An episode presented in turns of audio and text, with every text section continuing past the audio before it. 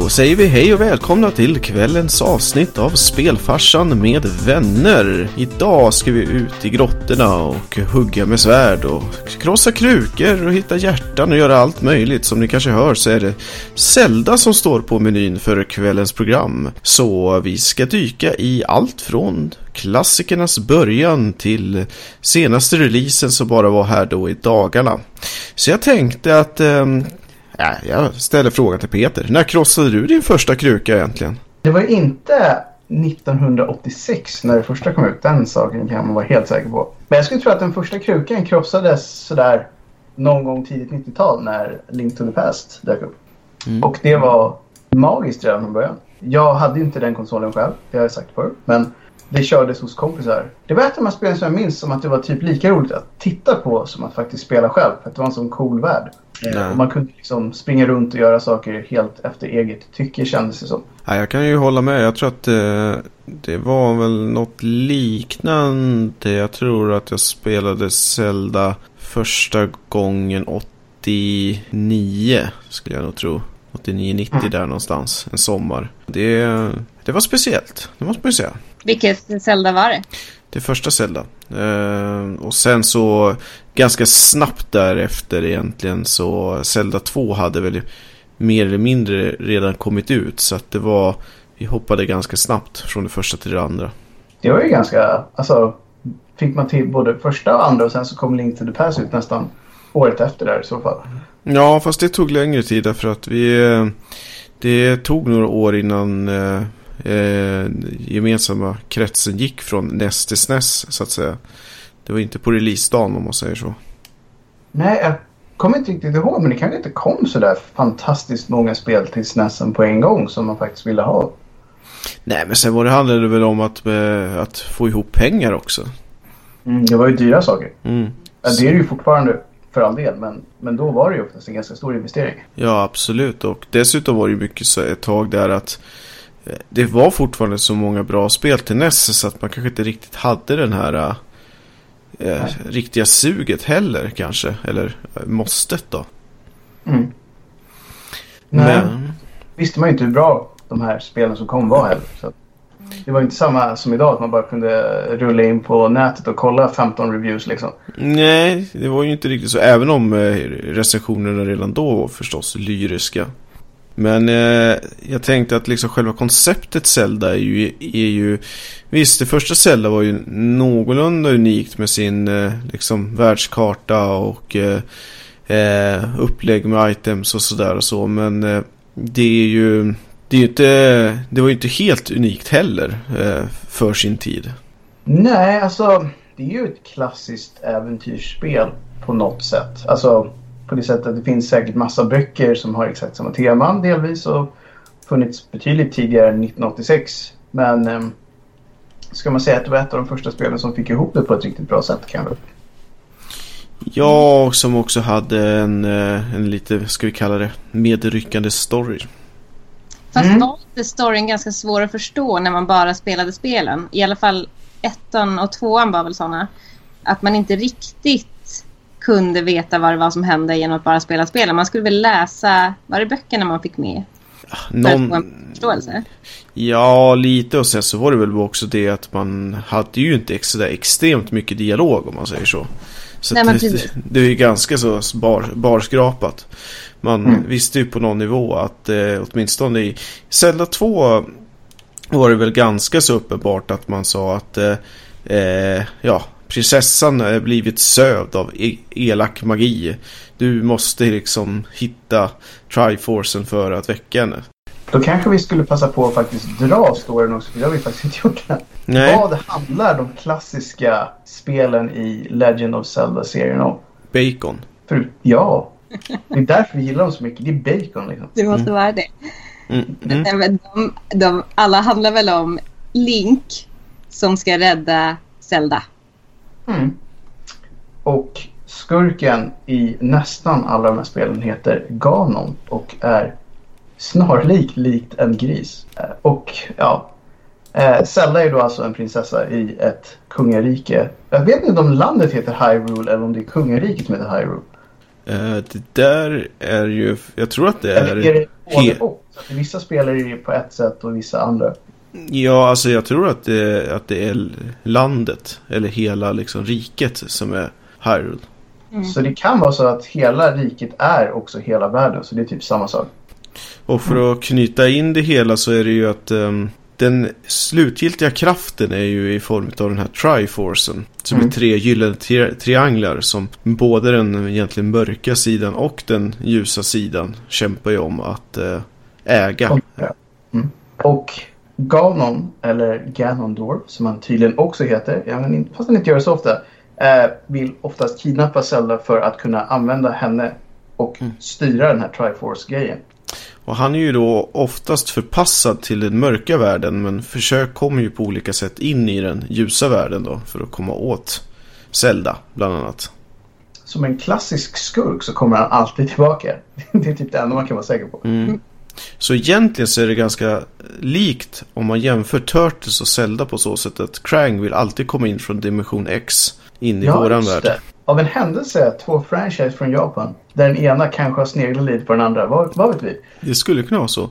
Och för den som eh, mot förmodan inte vet hur en Triforce ser ut så räcker det att man har tittat på Vinterstudion för att nästan alla kör med Fischer-skidor.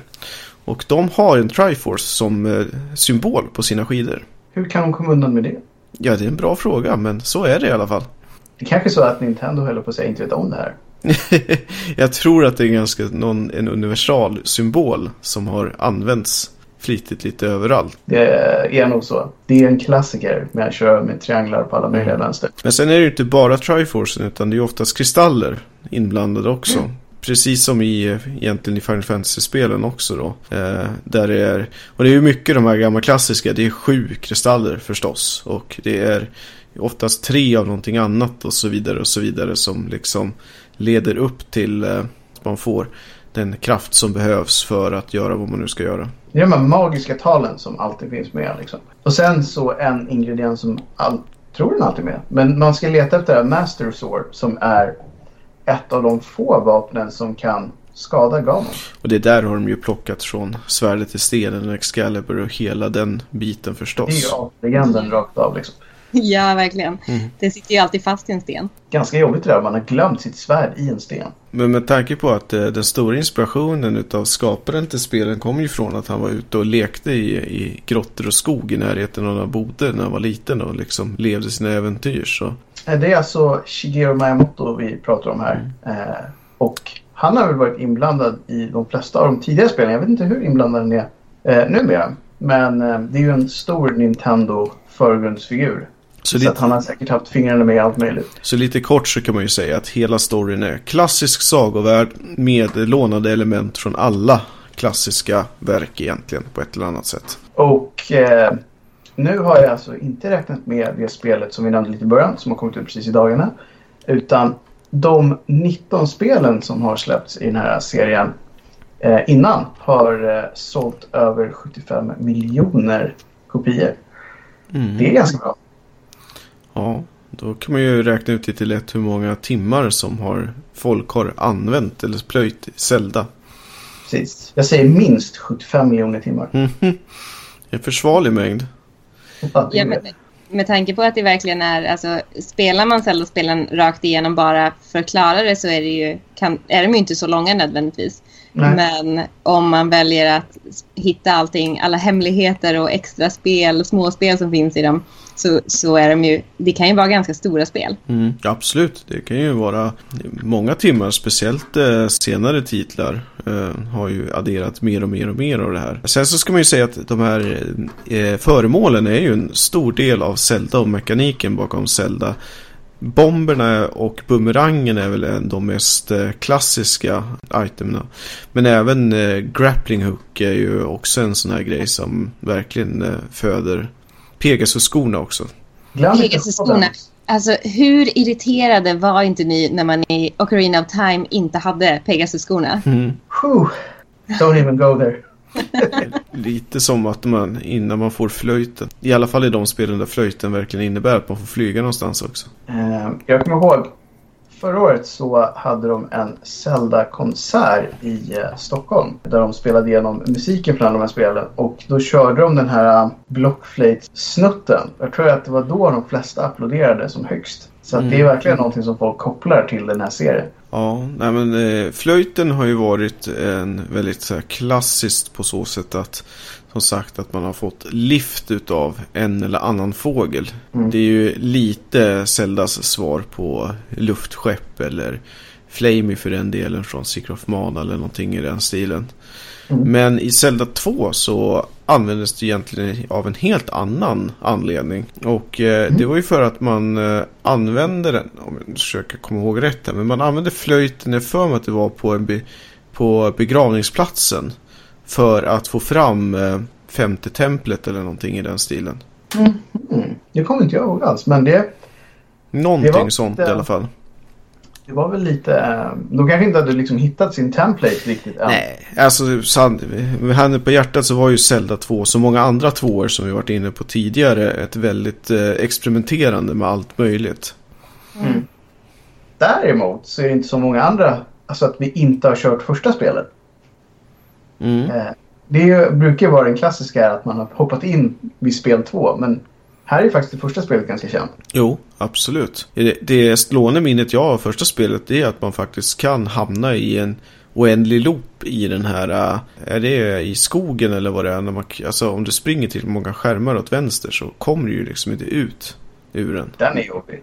Speciellt om man tror att det är en feature. Det här spelet var så sjukt stort. Jag kom aldrig ut i skogen. Ja. Imponerande för en NES-titel ändå. Jag kommer ihåg att jag störde mig på att, eh, för man kunde ju använda bomberna för att öppna hemliga dörrar i Mm. Tiberberg och sånt. Och i, i de första spelen, de första två spelen, eller första kanske det var, så eh, det var inte så himla lätt att se var man skulle spränga. Nej, det kan ju inte vara Mm. Och I trean så gjorde de det jättelätt. För då Ja. var det ju, det var ju så här sprickor i bergen eller i väggarna där man kunde spränga. De såg alltid likadana ut också. Så man Ja, började bara det- lära sig hur de såg ut. Så var det lite, ah, där är en sån. Du har ju inga bomber i tvåan. Nej, då måste det, det var nog ettan då. Jag, jag är Mm. inte säker på att jag har spelat tvåan. Det, det som man, eh, tvåan är specifikt med det är ju att du har um, sidoscrollat i, eh, i tempel och i uh, fighter på kartan medan världskartan är i, i snett uh, uppifrån då så att säga. Som de andra spelen. Nej, ja, det har jag nog mest sett från saker från tvåan. Jag tror faktiskt aldrig jag har spelat det. Är det någonting man borde kolla upp så här i efterhand? Det beror lite på hur pass mycket utmaning du vill ha. För det är som sagt vansinnigt småsvårt alltså, minst sagt. Alltså det, det, det, beror lite på hur, hur man gör det. Om du, om du följer så här lite strategi och grindar eh, en massa XP, för man har ju faktiskt XP i det här spelet. Eh, så kan du, och levlar upp eh, ditt vapen till level 8 och, gör, och orkar hålla på ett par timmar med det. Då blir det ju lättare. Men eh, det är ju mördande svårt både utav att så pass mycket stryk som man får utav fienderna men också det här att det är klassiskt eh, Nintendo-manér av att eh, tuffa plattformar och att du blir gärna nerpuffad i håligheter där du dör. Så man blir irriterad man... Ja, plus att det är ett av de få spel jag känner till där man faktiskt måste maxa för att komma åt sista templet. Du måste ha eh, magi på högsta leveln för att komma in överhuvudtaget. Det är lite ovanligt. Det, nej, jag vet faktiskt helt ärligt inte. Det är, det är nog roligare att se någon som faktiskt kan spela spelet och titta på det en gång än att faktiskt Så spela det speedrun eller en Let's Play är att föredra. Ja, det skulle jag nog säga snarare. Antagligen det senare för att eh, då om man tittar på en speedrun. För det första går det fort och för det andra så det är under en timme och för det andra så är det ju, eh, hur ska vi säga, eh, då ser det enkelt ut. Jo, det brukar ju vara så. Ehm, Får man inte riktigt uppleva spelet heller. nej, Nej, men sen är ju frågan om hur mycket story det faktiskt är i Zelda 2. Zelda 2 är ju en av de mest klassiska felskrivningarna. De har ju en, det är en klassisk sekvens. Du besöker en liten stuga där det ska vara ett tips om att man ska gå till höger eller om det är till, jag blandar ihop om det är öst eller väst. Men i översättningen så har de översatt fel. Så att eh, NPCn ser åt den och går åt helt fel håll. den är snygg. Sen så spenderade han två timmar på fel ställen. Mm. Nej, då är ju på så sätt så är ju eh, Zelda 3 är vad ju och förblir tycker jag åtminstone då det bästa, bästa Zelda-spelet. det är väl inte någonting som du är ensam om att tycka, misstänker jag. Jag är nästan beredd att tycka att det är ett av de bästa spelen jag har spelat. Någonsin. Jag kan skriva under där. Det är ett riktigt, riktigt bra spel. Jag tror, Och ja. håller fortfarande skulle jag säga.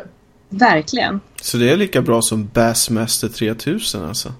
Nästan lika bra som Bassmaster. Ingen tar ju över den titeln. Nej. Nej, nej, nej. nej. Och det, är, det är liksom oavsett vilket Bassmaster vi pratar om så är det alltid lite bättre. Men det är inte, det är inte mycket. Mm. Det är inte mycket. Mitt, en av de stående minnena från Zelda 3 måste ju vara den här maskebossen i eh, tornet. Det måste ju vara en av spelhistoriens mest irriterande bossar. Ja, det var väl kanske en av grejerna som man inte riktigt gillade så mycket. Men fasen vad nöjd man var när man klarade det. Alltså jag tyckte ju... Jag är, jag är kanske inte så duktig på att spela tv-spel men jag tyckte att det var många bossar i den som var ganska... Tog ganska lång tid innan jag klarade dem. Jag tycker egentligen att så här, det är de bossarna som är bra. Alltså om man bara går in och har levlat upp och klarar saker jätteenkelt. Då är det bara en, det är bara en fiende liksom. Ja, nej Det men ska ju precis. vara den här frustrationen, man ska bli lite förbannad, sen ska man bli jätteförbannad. Så ger man upp en gång, sen kommer man tillbaka och så klarar man det. Ja, nej, men verkligen. Och maskbossen var ju verkligen hemsk för när man åkte ner, när man trillade ner, vilket man gjorde hela tiden, för han var ju som en, en rad med gummibollar. Mm. Så, så man åkte ju ner. Och då fick man, ju, man fick ju börja om från början i varje tempel. Ja, just det. Fy Ja, fan. man- Det hade jag förträngt. Ja, det var hemskt. Fast var det inte så i eh, att det var åtminstone så pass förlåtande att det bara var en våning man var tvungen att springa upp? Nej, man började i början. Det var så illa alltså? Det är det, är så jag vill minnas det. Mm. Sen eh, eh, tankade jag hem någon så här emulering av den till, till datorn och då kunde man spara precis när som helst. Det förstör lite av skärmen tycker jag. Jag kände det också så jag spelade, gick tillbaka till SNESet och spelade den där istället. Även fast det innebar eh, så mycket frustration, men ändå. Ja. Alltså jag, jag vet att sista gången jag spelade det så var det på emulator. Men då körde jag att jag bara sparade när man faktiskt kunde göra det i spel. För det känns som att många gånger så är ju faktiskt... Alltså svårigheterna är ju byggda efter när du kan spara. Mm. Eh, just för så här, du ska vara nervös när du går in. För att förlorar du där så är det bara att köra om massa grejer. Mm. Ja. Ja, Visst, det kanske är så här, spara tid och vill man uppleva spelet så snabbt som möjligt så kanske visst, liksom ta för av sparfiler. Men jag tror att lite av grejen med själva spelet försvinner då. Men eh, åtminstone om man ska gå efter de som är proffs på det så är ju det är egentligen bara två bossar i Zelda 3 som faktiskt har ett visst mån av slump i sig. Och eh, alltså så att, så, nu kommer jag inte ihåg exakt vad man gör men när maskbossen så ska man kunna stå på en specifik plats utan att bli nedknuffad.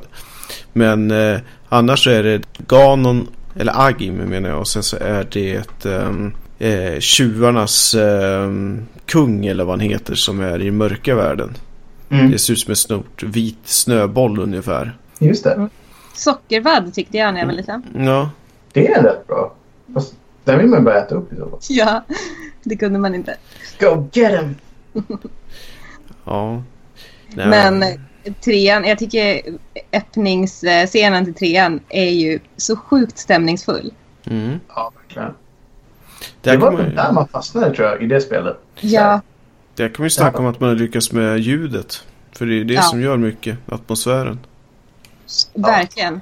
Man vaknar upp där i sin, sin lilla stuga som man bor i med sin anko och, eh, och, och får de här meddelandena om att man måste rädda Zelda. Och sen kommer man ut och så regnar det och så den här musiken som verkligen är... Ja, det är, jag tycker det är underbart. Jag var lite sugen på första gången jag spelade, bara gå tillbaka och lägga mig. Och somna Mm. om. Ja, nice. Man kunde inte göra det. Man kunde inte gå någon annanstans än till eh, slottet. Mm. De kallade ju en för... eh, Vad var det de sa, vakterna? Go back home kid. Mm. Ja, man är ju en liten youngster. ja. Ja, man kan ju undra varför eh, man inte liksom blir attackerad redan där utav vakterna. Nej, det är sant. Men de, det var väl något att de fejkade, att man såg inte att de var bad guys på någon vänster. Mm. Eh, däremot så reagerade jag på att när jag spelade om sista gången, varför bor han i sin lilla stuga typ en meter utanför slottet? ja. Ja. Precis, när hela byn ligger... Eh, Långt bort.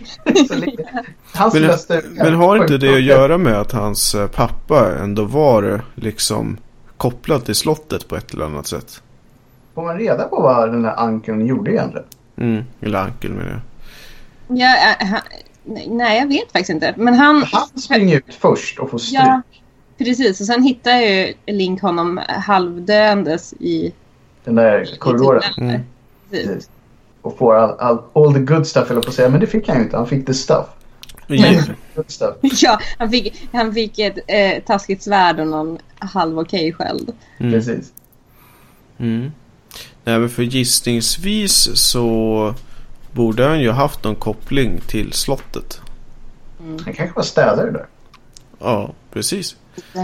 Men med tanke på det här att man fick ett så himla dåligt svärd där det första mm. man fick. Och man kunde ju ändå rädda prinsessan till att börja med i alla fall. Mm. Eh, varför, varför vaktade de inte prinsessan bättre? Det känns som att hon var ganska viktig ändå. Kanske inte räkna med att det skulle vara någon som kom den genom den hemliga gången. Jag tänkte säga, för man smög ju verkligen in på ett ställe som ingen visste om. Ja, det är sant i och för sig. Men man kunde ju redan från början veva på ganska bra med sitt lilla svärd. Ja, mm. För han den vakten som, som vaktar Zelda där, han har ju bara någon sån där uh, kedja med en... Med, med klotet. Exakt. En morgonstjärna har han. Ja, precis. Någon slags variant, för de snurrar ju väldigt friskt får man ju säga. Ja, det gör Men det tar ju inte så många svärdsving för att döda honom. Och det tar ju ändå två svärdsving för att döda de lila gubbarna i slottet. Mm. Nej, men han var, uppenbarligen var Link energisk. Mm. Ja. Bara vevade på. Svärdet är ju typ lika stort som han själv nästan. Jag menar det. Ja. De där sköldarna som han får sen, de är ju verkligen lika stora som han är. Ja, speciellt spegelskölden är ju verkligen lika stor som han själv är. Ja. Vad fungerar det ändå? Link ser ut som en, en tanig liten figur. Men han lyckas med rätt mycket saker. Han gör ju det. Men Zelda 3 var ju också ett, egentligen, man kanske skulle kunna säga om det första Zelda. Men eh, troligtvis det första Zelda som riktigt lyckades med att det här, att det kändes som en öppen värld. Att man mm. faktiskt hade frihet att gå lite hur som helst. Det nämnde du väl lite i eh, Sandbox-avsnittet? Jo, Så. precis. Sen att det kanske var lite fejkat på sätt och vis. Det fanns ju vissa ja, restriktioner, men ändå. Men den hade ju också allt. Den hade ju öknen, den hade ju en skog, den hade ju en liten by och den hade ju slottet. Mm, och, det... och, det... är ju overworlden då. Ja. Mm. Sen finns det ju den andra världen där också. Mm. Jag tycker det var lite intressant hur de löste det där rent tekniskt. Att det är egentligen samma spel. Det är bara att de har inverterat färgerna och sen lagt på lite vissa så ja, element. Det var ett väldigt ja, smart... slottet blir ju en pyramid. Mm. Ja, mm. är ju, men det, det var ett väldigt smart sätt att spara minne. Att egentligen bara ja, en spegelvänd version då. Mm. då. Fördubblar spelets längd mm. och behöver inte använda särskilt mycket mer minne. Så det, det är mm. smart. Mm. Och dessutom bygga in att det är så här, typ mörka spegelvärden så att folk fattar att det kan vara ganska likt. Mm. Du har ju ett annat roligt item också i spelet som har hängt med sen. Det är ju um, hoven. Ja, jag försökte smyga in den där lite diskret i början men vi got carried away. Men ja, den är ju en riktig klassiker. Ja. Så man kan fånga både eh, hemska magiska eldbollar från bossar och eh, eh, bin och fairies och allt möjligt. Mm, som man sen stoppar i en flaska. Just det. Mm. Är det egentligen okej? Okay? jo, men det är okej. De gillar det. Ja. I, I Hyrule är det okej. Mm. I Hyrule så är det bara manners att göra det. Ja. Yeah. I, I, riktiga livet vet jag inte om det är riktigt lika okej. Okay. Mm. Fånga Nej, man ska passa sig från att stoppa små var magiska varelser i glasflaskor. Ja, det är kanske inte så hälsosamt att fylla en glasburk med bin heller. Så länge du inte öppnar det så. Nej. Hitta ett bålgetingbo och köra lite grann. Så hittar man ett bålgetingbo så jag hellre den i en glasburk än mm. har den bredvid. ja. Däremot, en grej som ni kanske kan svara på. Varför saunar man rupis? Man köper ju saker. Jo, men varför är det rupis? Jaha. Det är en riktig valuta från Indien dessutom.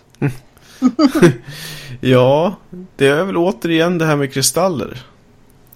Att man handlar med dem. Jo, det kan jag köpa. Men varför tog de ett namn på en riktig valuta? För att det lät kul. Det måste ju nästan varit det. Japan.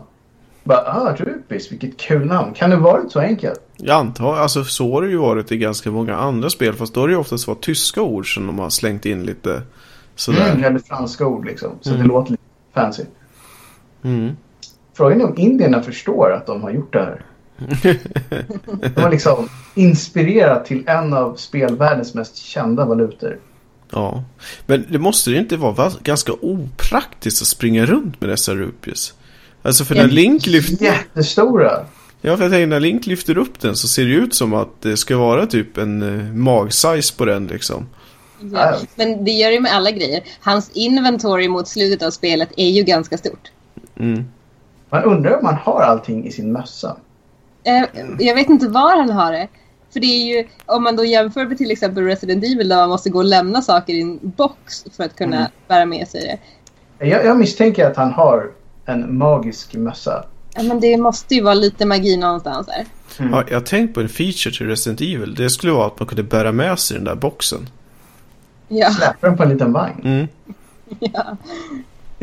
Men det gör ju inte Link, i alla fall inte som jag har sett. Han släpper aldrig runt på någonting Nej. som ens ser Nej. ut som någonting man kan ha saker i. För vissa andra spel kommer ju undan med att de säger ja men det är typ en magisk påse och allt går att stoppa i den. Liksom. ja. Som i när vi pratade om peka-klicka-spel med Simon Sauce och hans magiska trollkarlshatt som man kan Precis, men stoppa där av. kommer de ju undan med att det är en magisk hatt. Här Mm. säger de egentligen aldrig vad han har sina grejer. Däremot så i spelet som kom ut till Game Boy Advanced, jag tror det hette The Minish Cap. Där var det ju faktiskt en magisk mössa. The Minish Cap var ju hans gröna mössa. Den levde Mm. ju i det spelet. Det kanske är det den alltid gör. Den har alltid funnits med. Det är bara att den aldrig har sagt något tidigare. Liksom. Ja, precis. Annars har det ju varit ofta magisk mantel som har varit grejen. Mm. Det är en klassiker. Magiska mantlar. Sånt gillar man. Det finns för få sådana. Ja, jag menar det. Jag har aldrig hittat något. Men man får ju också inte all information direkt. Alltså spelen är ju, det finns väl en ganska, en ganska stor sån här eh, diskussion runt eh, hur, vilken tidslinje alla spelen är i och sådär. Och eh, det, måste ju, det kommer ju alltid ny information i nyare spel som man kan så här, anknyta till. Okej, då förstår jag varför det hände så här i det här spelet. Mm. Så det, när de släppte den här Four, Four Swords, heter den va? Mm.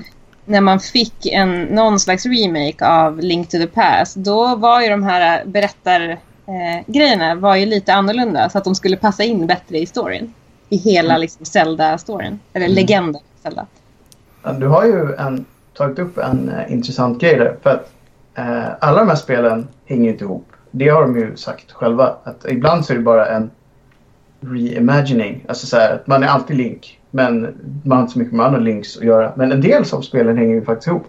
Mm. Eh, och det är alltid massa gemensamma nämnare. Så, där. så det, man får kanske mer se det som någon så här. Det är samma värld men ändå aldrig riktigt. Alltså en del hänger ihop men det har oftast gått jättelång tid emellan och så där. Så det är väl mer så här att de återanvänder massa begrepp. Och ibland så betyder det lite mer än i vissa spel. Jag skulle kunna tycka att det skulle vara lite coolt att spela den, ska vi kalla det, den mörka Link eller Links skugga ifrån Zelda 2. Så man kunde liksom vända på det hela, att man var ond istället för god. Lite som i eh, Super Mario Sunset. Mm. Eller vad det heter. Sunshine eller vad det heter när hans mörka Mario sprang omkring. Mm. Just My Sunshine. Eh, så lite den grejen. det var Ja, faktiskt ganska häftigt. eller i, eh, vad är det, Metroid Fusion där du har Samus Mm. X liksom. Just det. Nej men det är, det är ju lite häftigt. Man är ju alltid, tror jag, eh, ganska uppenbart god i de här spelen. Mm. Ja, det är väl få, det är väl vissa kanske som du har så här lite valmöjligheter och du kan göra. Du kan ju till exempel jaga höns. Ja. Och då blir man attackerad av dem. Mm. ja. De, de lackar ut Och till slut. i Ja. eh, Link's Awakening till Gameboy så kan du ju stjäla saker ur butiken. Nu.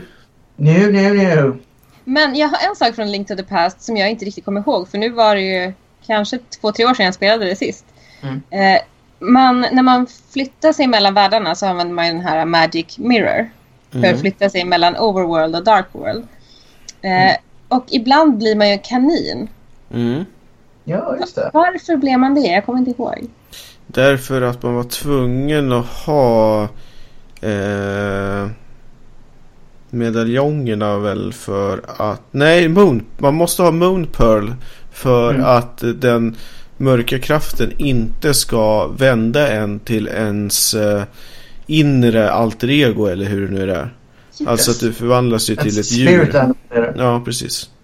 Så att man är en kanin i själ. Mm. Själv. Man är en så fluffy, snäll person. Mm. Och det är lite synd om man blir en kanin. Då kan man inte rädda världen. Men om man ska um, hoppa vidare från Link to the Past. To link to the present eller? Kanske inte Link to the Present, men um, the s- 64 Mm. Just det. Eh, vad var det första hette där? Var det Ocarina of of Time? the... Yes. Ocarina of Time var det. Mm. Det var ett av de bästa spelen som jag har kört i serien när man kollar tillbaka. Mm. Det var inte riktigt lika bra som Link to the Past, men det var för att det var Link to the Past liksom. Mm. Men jag minns att det var det första spelet som i 3D som jag tyckte var snyggt. Mm. Det kan ju bero på att det var ett av de första stora titlarna till Nintendo 64 också. Ja, det var det. Det var det. Och den musiken var ganska sweet. Ja. Mm. Plus att det är första gången man får rida häst. I Zelda. Ja, just det! Och det var ju väldigt tacksamt eftersom att man inte hade Pegasus-skorna. Just det. För han gick jäkligt sakta, det gjorde han. Ja, jag gjorde det. Då skulle man lära sig att blåsa i den där uh, lerduvan för att saker skulle hända också. Mm. Mm. Öppna saker. Men eh, eh, kommer ni ihåg, det här vet jag inte om det är en myt eller om det är sant, eh, att det fanns en, en reklam som var ganska kontroversiell. Mm. Som, gick, som var som var typ, eh, det började med så texter som var så här, kommer han fly eller kommer han fightas? Kommer han vinna eller dö? Och sen var det, slutade det med typ så här, kommer, kommer han få tjejen eller kommer han spela som en tjej? Oh. Det låter ju som något som eh, Nintendo US definitivt skulle kunna tänka sig ha hängt på. Ja, de gillar det sånt. De gjorde ju mycket sådana där lite halv... Eh, ja, Ja. kontroversiella grejer. Ja. jag tror, det kommer jag faktiskt inte ihåg alls. Jag vet inte om det är sant, det är bara något som jag hört. Det kan nog definitivt tänkas vara sant. Ja, det låter som det. Jag hoppas att det var sant. Pretty goddamn sweet. Mm. Ja, det värsta är ju när folk spelar som tjejer, eller vad säger ni? Ja, Så tjejer som spelar som tjejer, come on! Mhm. Spela som grabbar, kom igen nu! Spela som krang. Precis. jag har, det är ju aldrig någon som har sagt till mig, du spelar som en kille. Det var en frimärke eller skulle det bara vara så här weird? jag vet inte vad det Eller skulle måste man fråga då, vilken kille liksom? Ja, Eller exakt. de som vet hur de gör eller någon som bara är dålig liksom? Mhm. Nej, du spelar som en man, vet Mm. En riktig man. du. Eller så ska Ja. du... Spelar Gubbe. man som en riktig gamer Mm. så vet man inte vad om man har blivit, fått en komplimang eller inte liksom. Nej. Är du en sån där gamer? Ska man ta det liksom positivt eller negativt? Det är väldigt svårt. Man går helt på tonfallet. Mm. De vill hoppas på att de säger typ är du en sån där Zelda-gamer för då kan man bara säga you damn straight. Mm. Jag undrar vad som man behöver göra för att klassificera sig som en Zelda-gamer. Hur många av de här 19 titlarna behöver man ha plöjt då egentligen? Jag vet inte, det känns som att det räcker med att man är en liten pojke. ja, precis. Fast då har man ju definitivt inte spelat 19 titlar. Det där är intressant. Hur gammal är Link om man säger i genomsnitt? För det beror ju lite på spel. Vissa är man ju väldigt liten i början, men liksom hur gammal är han egentligen? I Ocarina of Time är han väl typ nio eller något sånt. Ja. Eh, I, I början av spelet då. Mm. Ja, precis. Men där spelar man ju honom som liten kille Mm. liksom. Mm. Men jag tänker sen, vad kan han vara? 16? 17 någonting? Alltså, han, jag tror jag väldigt svårt att se att han är över 20. Det är ju någon liten teeny guy. Då så kommer den stora frågan, är han oskuld också? Det, killen har en tunik och en hand. of course he is. Och jagar grisar liksom. Fast för att vara så liten så har han haft ihjäl en jäkla massa people alltså. Mm, mm, mm. Ja, verkligen. Största barnsoldaten ever. Mm. Ja, man kan nog skriva en ganska intressant uppsats om hela det här ämnet. Men Ocarina of Time handlar ju faktiskt om, eh, eller delvis i alla fall, om att han är för ung. Mm. Det är sant. Så att de har kanske insett det själva ibland. Att han faktiskt är... Det är lite så här... Han borde... om man ska vara helt krass så borde de egentligen aldrig valt den killen. Det måste ju funnits någon som var både äldre, mer erfaren och lika så här, vältränad och kunde använda svärd egentligen. Mm. Men han hade the triforce på något sätt. För det är där man, känslan, liksom. man kan ju tänka sig att han borde ju ha en släkt på något sätt av ganska så kraftfulla snubbar. På något sätt. Mm. Man tycker ju det. Eller är han liksom som eh, Knatte, Fnatte och Tjatte liksom? Mm. Han har inga föräldrar. Nej. Ja, De det är alltid en anka som, som dyker upp. Mm. Det är, det är stor, ja som sagt. Frågan Nästa om- gång vi träffar Shigeru Miyamoto så får vi ställa de frågorna. Jag glömde det förra gången. Ja, jag med. Mm. Men, Oh. men som sagt, Ocarina of Time tycker jag det är väldigt spännande hela grejen eftersom att det är den som lite grann har gett eh, eh, startat hela den här diskussionen om eh, tidslinjen för Zelda-legenden. Det är sant. Det är ju, för det är ju man, man, eh, man hittar svärdet va? Man tar svärdet och det är Mm. då man blir nedsövd. Just det. Och sen blir man upp, uppväckt av den här spanjoren. Eller vad han är. Typ han heter spanjor. typ Raoul eller någonting sånt. Jag, t- jag såg alltid honom som någon skön latin. Ja, precis. Och då är man ju äldre. För då har man ju liksom vuxit till sig och är redo att, att eh, ta sig an det här äventyret. Precis. Men nej, riktigt nice var det i alla fall. Mm. Och sen så är det ju också ganska intressant att de allra flesta av de här spelen så är det ju alltid en konflikt igång när man kommer in av kanske naturliga skäl. Så man kan ju undra när är det liksom happy happy och glada tider i, i Hyrule egentligen? Ja, ja, för man kommer ju alltid in i storyn när Happy Times är över. Ja, när det är dags att göra upp en gång till. Mm. Men är det inte så att eh, om jag minns låren rätt så är det ju så att Link eh, liksom föds ju till liv också när han behövs om man säger. Eller Det åtminstone mästersvärdet är ju lite så att han lämnar ju tillbaka det varje gång. Det gör han ju. Tills det Och behövs gör han igen. det? Han vet ju att han kommer behöva hitta det igen sen. Mm. Liksom. Ja men det, om du säger att det är en hundra år plan va- varje gång så kanske det är skönt då. Lägga det på hyllan en stund. Ja, Precis. Behöver inte vakta kistan som man har i, Jag tycker det har varit nice om det har varit en kylskåp som man stoppar in det i. i frysen. Ja, eller i frysen liksom. Så går och rota lite där. Titta vad fasen har vi här? Precis. Man går, man går ehm, till smedjan och vässar lite på det och sen springer man iväg. Mm.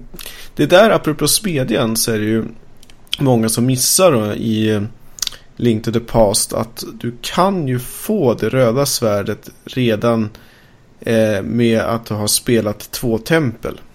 Så att det finns ju viss mån av, ska vi kalla det, shortcuts för att få lite mera edge av spelet om man säger så. Det tror jag gör.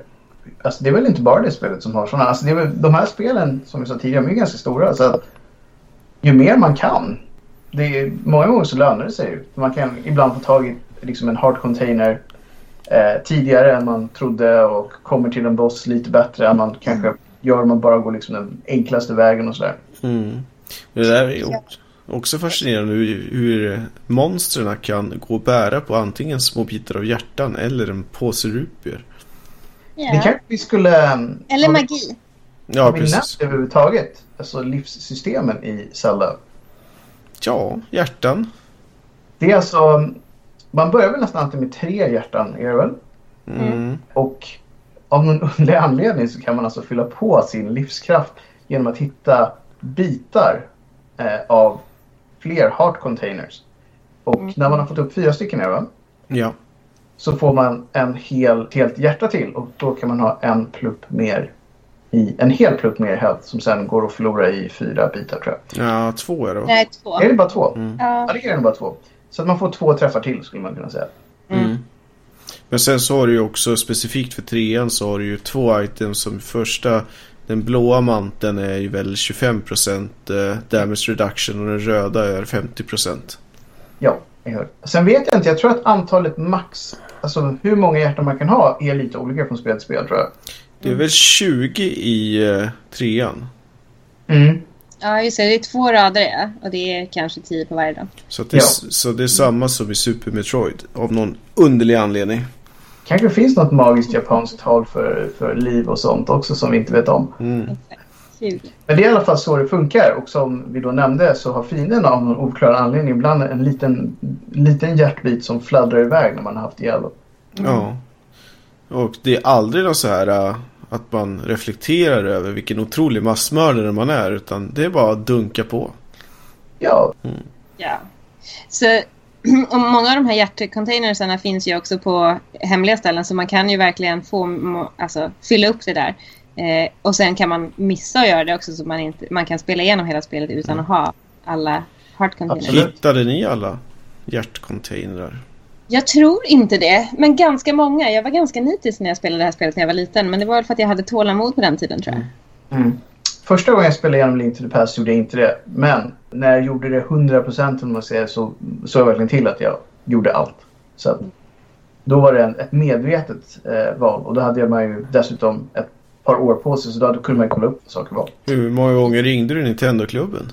Uh, just för det spelet var det inte så många gånger tror jag. Alltså, jag betydligt fler gånger att jag ringde, ringde när det var typ Secret of Mana och sådana spel. Mm. Men Zelda hade man så pass kul när man spelade så man blev liksom inte frustrerad på det sättet. Alltså det där måste ju vara ett av århundradets bästa callcenter ever liksom. Svenska Oh. sköna göteborgare som sitter och svarar på spelfrågor liksom. Med en dessutom tålamod. Mycket. Ja, Alltså, de hade ju ofta svaret. jo. Ja men det, var, ju- det är ju helt knäppt egentligen. Mm. Med tanke, det, det fanns ju kanske inte lika många spel som det finns idag men det, det var ju ändå ett antal spel. Ja, det är ju 712 titlar till NES till att börja med. Och sen så är det ju väl typ eh, 2000 eller någonting till SNES eller någonting i den stilen. Nej, det är faktiskt väldigt imponerande. Men det, det är ett litet sidospår. Men ja, väldigt imponerande. Mm. Ehm, däremot ett spel som vi inte har nämnt än som jag alltid har velat spela är Windwalker. Mm. Jag har sett det spelas. Och det är en ganska rolig story. Ehm, Det är ju, speciellt kan man ju titta på HD-versionen. För den är ju lite mer crisp så att säga. Men där startar man ju också Ja. som lite en parvel liksom. Ja, och det är en helt egen stil på grafiken i Ja. det spelet också.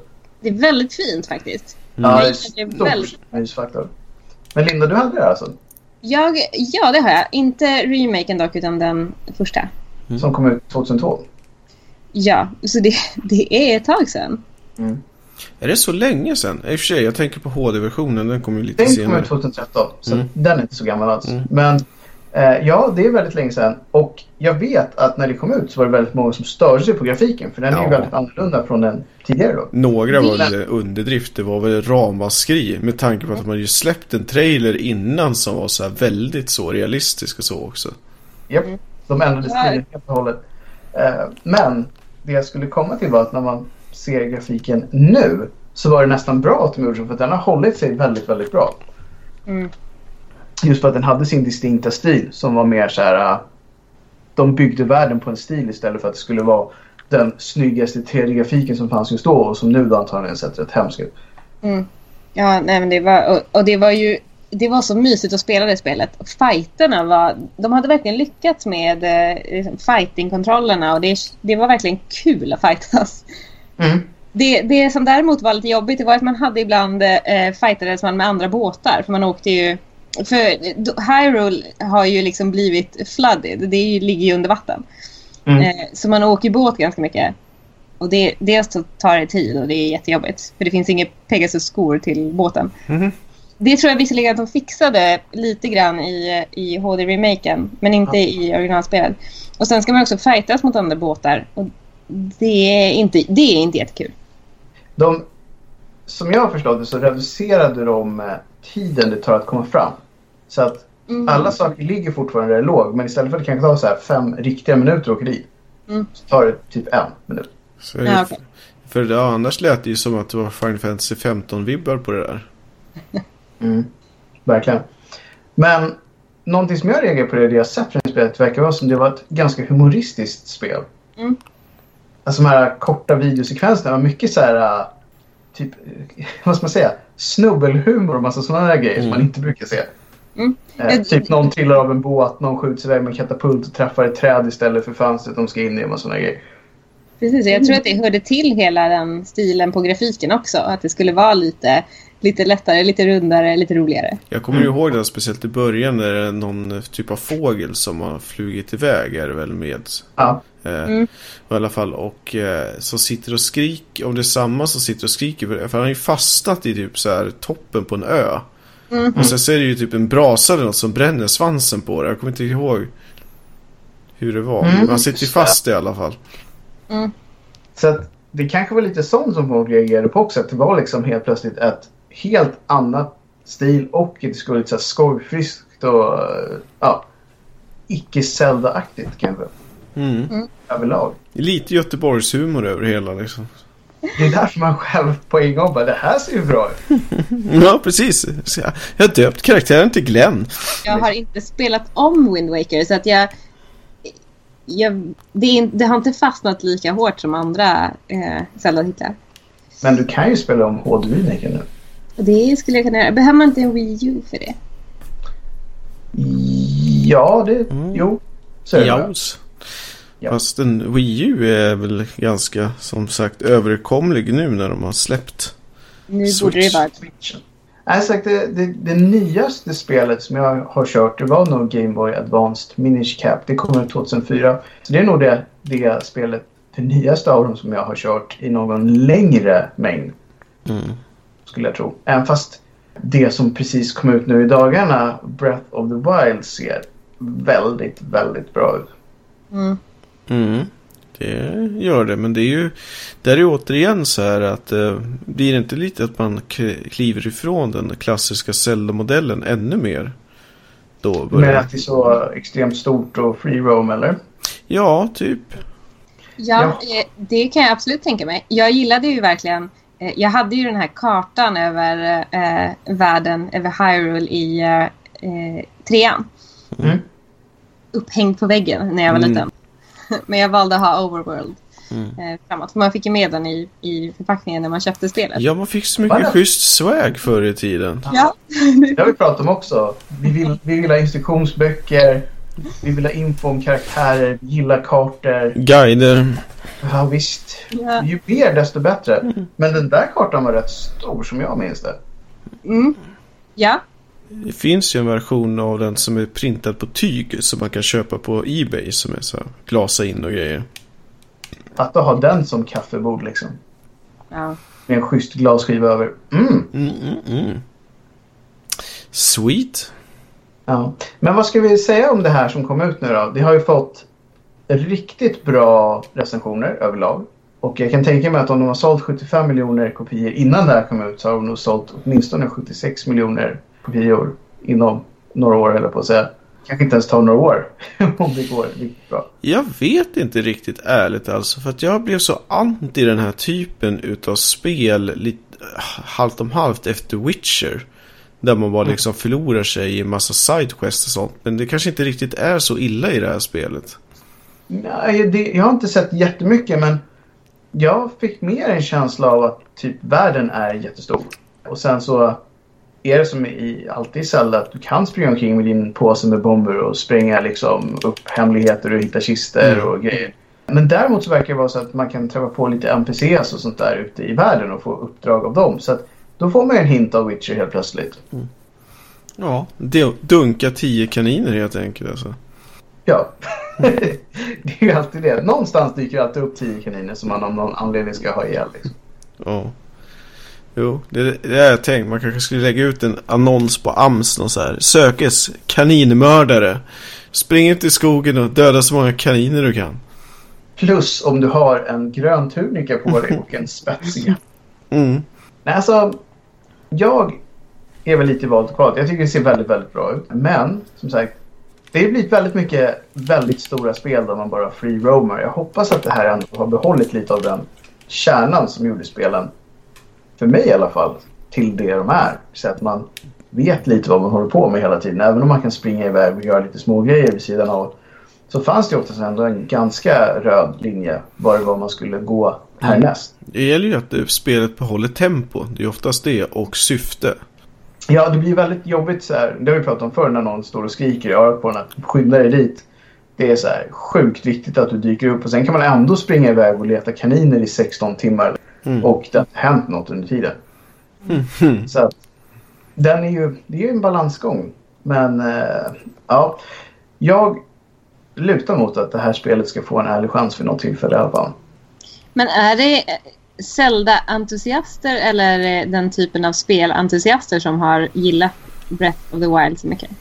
Som jag har förstått det så har det nästan varit så att alla än så länge har gett tummen upp. Jag har nästan inte hört någon som har sagt att det var dåligt. Nej. Men samtidigt har det ju inte varit utsäget länge så det kanske inte... Jag menar de som spelat det... De flesta som har gett recensioner de har ju säkert inte klarat spelet på något sätt. Utan kanske spelat det ett gäng timmar. liksom. För det är oftast så de, de får sina kopior och sen spelar de det säg 10-15 timmar kanske. Och sen sätter de sig ner och skriver recensioner. Så att jag kan tänka mig att de flesta av dem hade väl inte varit ute och hittat den där kaninen eller liksom tagit 100% av kartan och massa sådana grejer. Så det, det är svårt att säga om det blir så att man tröttnar på det. Det känns att det blir för spretigt. Det, Ja. Jag hoppas att det inte blir så i alla fall. Nej, så Ja. till nästa vecka då har du plöjt 50 timmar plus då. Ew. Det kan jag faktiskt inte lova. För, att, för det första måste jag ha en switch. Och ba, bara det känns som ett projekt, måste jag säga. Mm. Det är inte helt lätt för de har ju varit slutsålda och sånt där. Ja, det är som ofta med Nintendos konsoler. De, de går åt. De, de lyckas på något sätt få ut sina konsoler väldigt snabbt. Eller så gör de bara tio av dem så att det ska se ut som den är slutsåld överallt. Det kan ju vara så. Har jag, jag har berättat historien om när min, min bror köpte ett Nintendo Wii. Det första när det kom ut. Jag är inte helt säker på att du har det. Ja, det här var, när var det? När kom det är ett sedan. Det är väldigt länge sedan. Mm. 2005, 6 någonting. Ja, något sånt. Någonstans där va? Jag pluggade och så var det en fredag morgon. Jag satt på tvärbanan och skulle åka till, till skolan. Och så ringde min bror till mig och sa så här. Du måste, du, du, kommer, väl, du kommer väl ut till, till mig ikväll? Jag har köpt vin. och jag bara.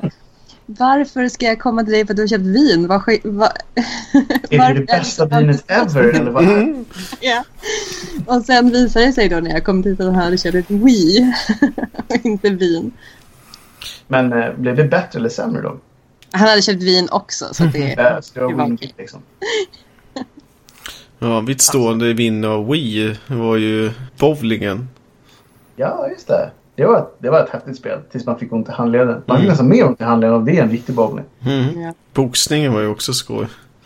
Ja, shit. När kommer det? Zelda med virtuella världen när man rider runt på sin häst.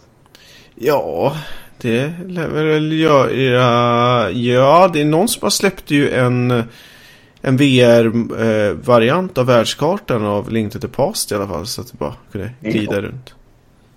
Kan man fiska i en damm som i Hyrule? Mm. Ganska nice. Bassmaster Hyrule style. Fiska har man ju gjort i Zelda-spel. Så att, Mm. Ja, eh, alla klassiska äventyrsspel har ju ett fiskeelement. I alla fall japanska sådana. Ja. Jo, man har väl inte fiskat i kanske så här Mass Effect och sådana spel, men Nej. någon gång så hände det. Däremot hade man ett akvarium i Mass Effect som man kunde samla fiskar i. Ja, Så att de finns där ute, fiskelementen.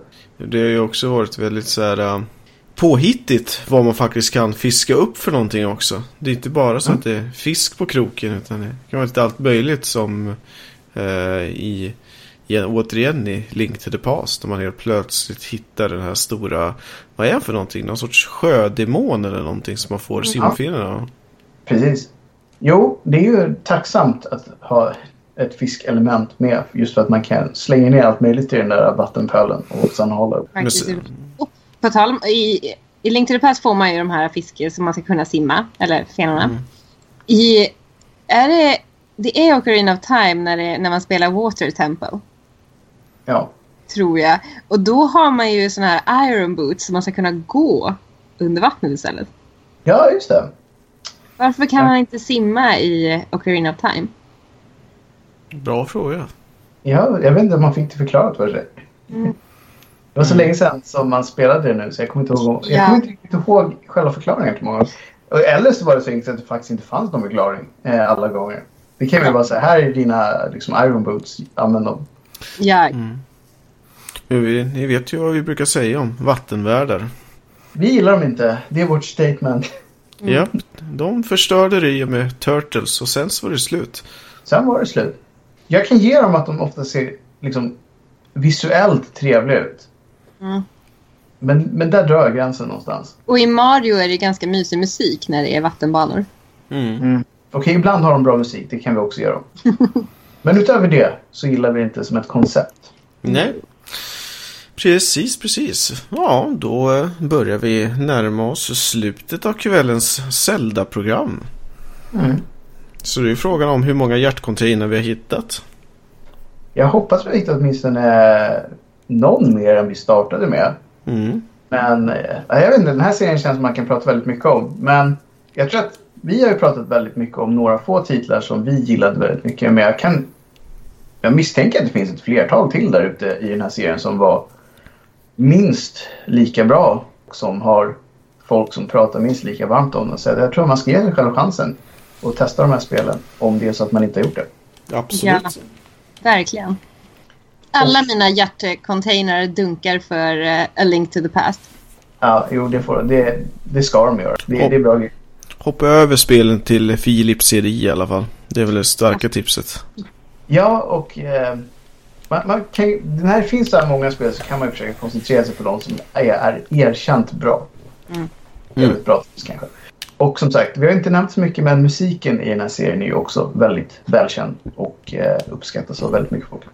Den är fantastisk. Och med det så säger vi tack och adjö och eh, på återhörande. Hej då, hej då. Hej då! Hej! I nästa vecka pratar vi åldersgränser, blodiga spel, sexiga spel, kontroversiella spel och vad och hur ska vi egentligen tackla dagens ungdom och nästa generation? Vad ska de få spela? Ta reda på det i nästa avsnitt. Tack och hej!